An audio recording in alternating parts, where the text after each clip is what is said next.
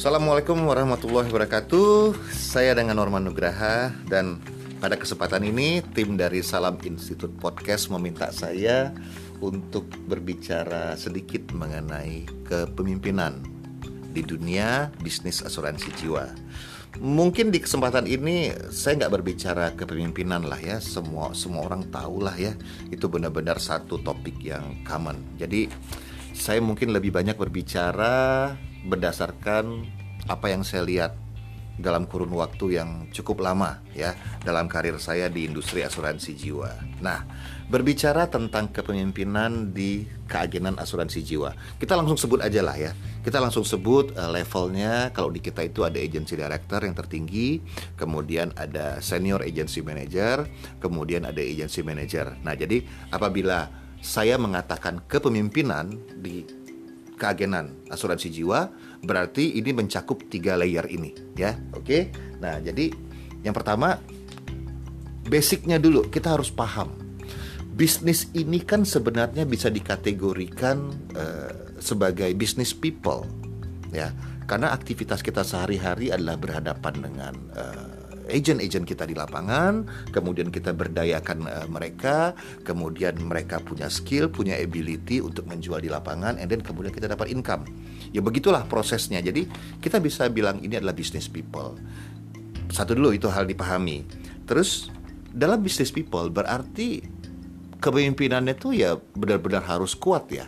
Dasarnya yang pertama seorang pemimpin di asuransi karena yang dipimpin adalah setiap harinya ketemu manusia harus keren dan hebat dulu ya harus keren dan hebat dalam definisi keren mungkin ya memang memiliki wawasan yang bagus, berpenampilan yang bagus ya kan, hebat dalam definisi yang memang selalu fokus uh, apa namanya uh, punya disiplin dan lain-lain. Jadi harus begitu dulu nih.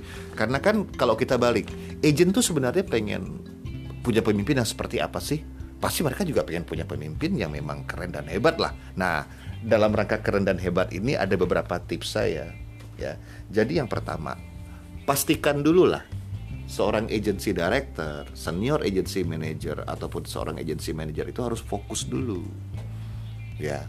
Harus fokus, benar-benar tidak bisa ya saya tidak menyarankan ada bisnis lain. Ya. Kalau misalnya masih punya bisnis lain, tentunya tidak akan pernah bisa maksimal. Itu sudah pasti, itu pengalaman yang saya lihat. Lah sekarang gimana bisa seorang agency director, senior agency manager ataupun agency manager di tengah-tengah kesibukannya melayani, mengakomodir, memberdayakan teman-teman agent yang sangat banyak di lapangan. Sempat-sempatnya berbisnis baju, bisnis online, bisnis travel umroh, bisnis pakaian, bisnis makanan, ya nggak akan bisa ya dan ini juga pasti akan menimbulkan loss respect dari orang yang dipimpin. Ya bisa jadi kalau saya agennya kan saya akan nanya lah ini sebenarnya leader gue fokus nggak nih ke gue ya kan? Gue datang pagi dia datangnya siang.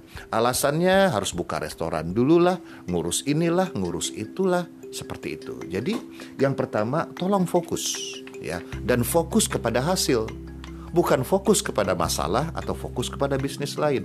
Ini syarat mutlak loh. Jadi kalau memang teman-teman pengen menjadi leader yang berhasil di keagenan asuransi jiwa, fokus adalah yang nomor satu.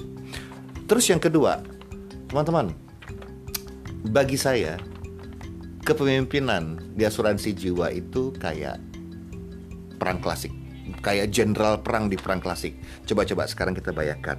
Coba Anda bayangkan sebentar mungkin Anda pernah nonton uh, film-film uh, uh, perang zaman dulu ya. Perang zaman dulu ada pasukan panah, ada infanteri, ada kavaleri. Biar gimana pun jenderalnya pasti ikut berperang dan selalu berdiri di garis depan. Dan sebelum memulai perang, perhatikan deh pasti jenderalnya akan menyemangati pasukannya dulu sampai pasukannya di titik tertinggi semangat mereka dan kemudian mereka akan menyerbu musuhnya. Ya. Dan sering kita lihat dalam perang seperti ini saat jenderalnya mati duluan atau jenderal tertangkap, perang akan usai walaupun pasukannya masih banyak. Agak berbeda dengan perang modern.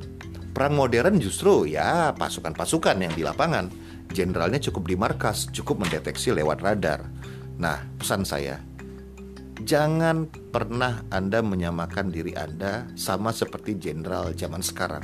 Ah, cukup bangun sistem di agensi, cukup lihat report, cukup kontrol dari rumah, itu tidak akan pernah bisa. Ingat kembali lagi di omongan saya di awal. Ini adalah business people. Berarti Anda harus selalu ketemu dengan mereka. Selalu menyemangati mereka setiap hari. Ya, sama seperti seorang jenderal di perang klasik Pasukannya hanya mau berperang saat mereka merasa bersemangat, mereka merasa termotivasi. Itulah tugas Anda, gitu, menyemangati mereka semua. Dan yang terakhir, tentunya kita harus ingat, apa pun itu, biar gimana pun, walaupun pemimpin itu juga manusia yang bisa demotivasi, bisa suntuk, bisa bete, bisa sakit, tapi ingat, kodrat seorang pemimpin adalah memikul, memikul sebuah amanah.